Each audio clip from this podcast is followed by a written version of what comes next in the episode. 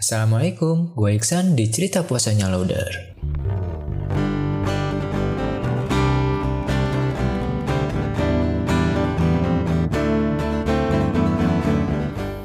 Ya, nggak kerasa kita bener-bener udah di ujung Ramadan tahun ini.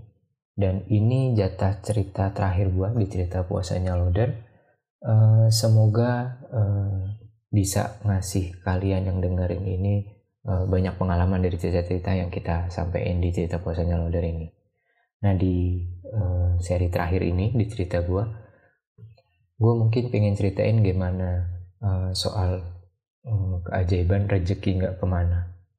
Kehidupan keluarga gue uh, sama istri gue tentunya uh, ini termasuk bukan keluarga yang uh, berlebihan gitu ya justru cenderung pas-pasan tapi gue selalu ngerasa setiap kita butuh alhamdulillah ada aja jalannya untuk itu terpenuhi.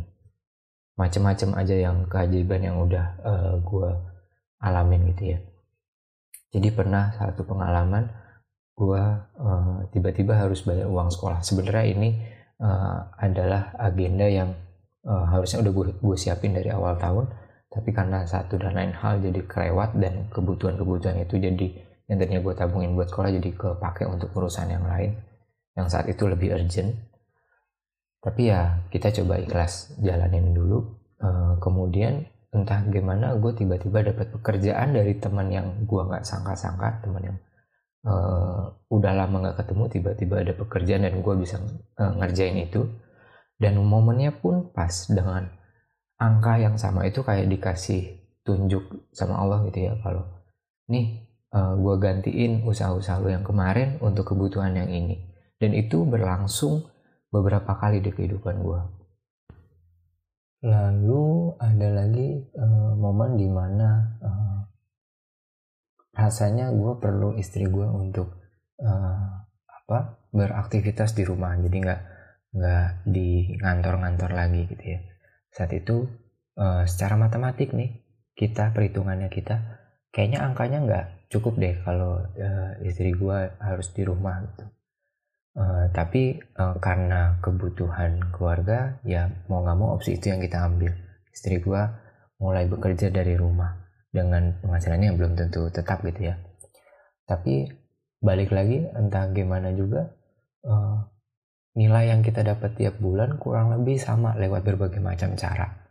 Dari yang tiba-tiba gue dapat peluang ngajar, itu pun jadi salah satu opsi yang mm, secara dalam tanda kutip menggantikan uh, nominal yang dari uh, nilai istri gue yang tadinya ngantor.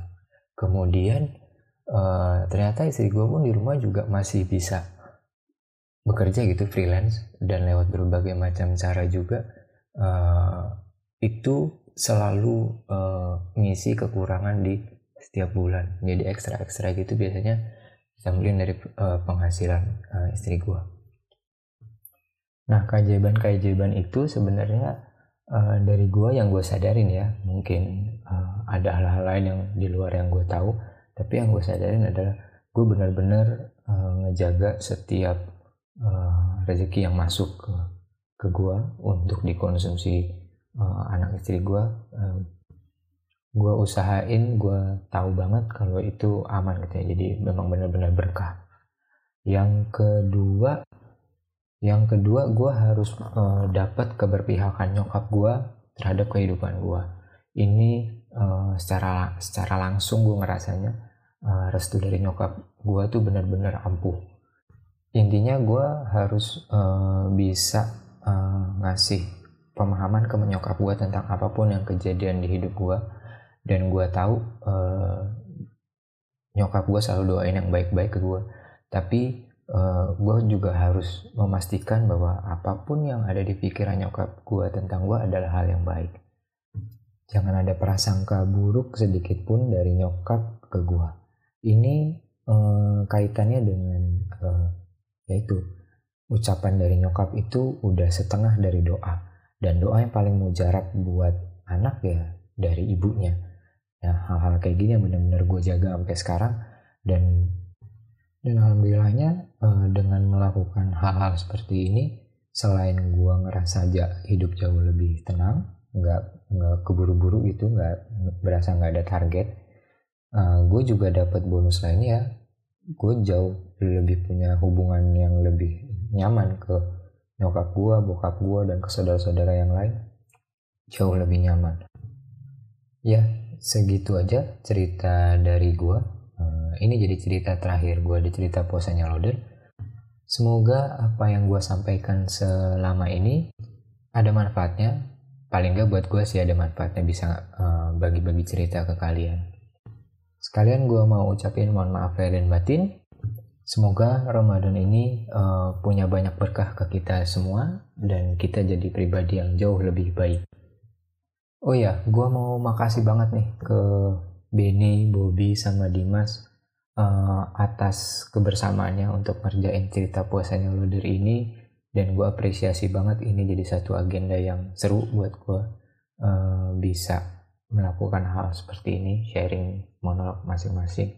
Dan apresiasi banget sama uh, konsistensi yang berusaha kita jaga sebulan ini di setiap harinya untuk posting satu cerita masing-masing.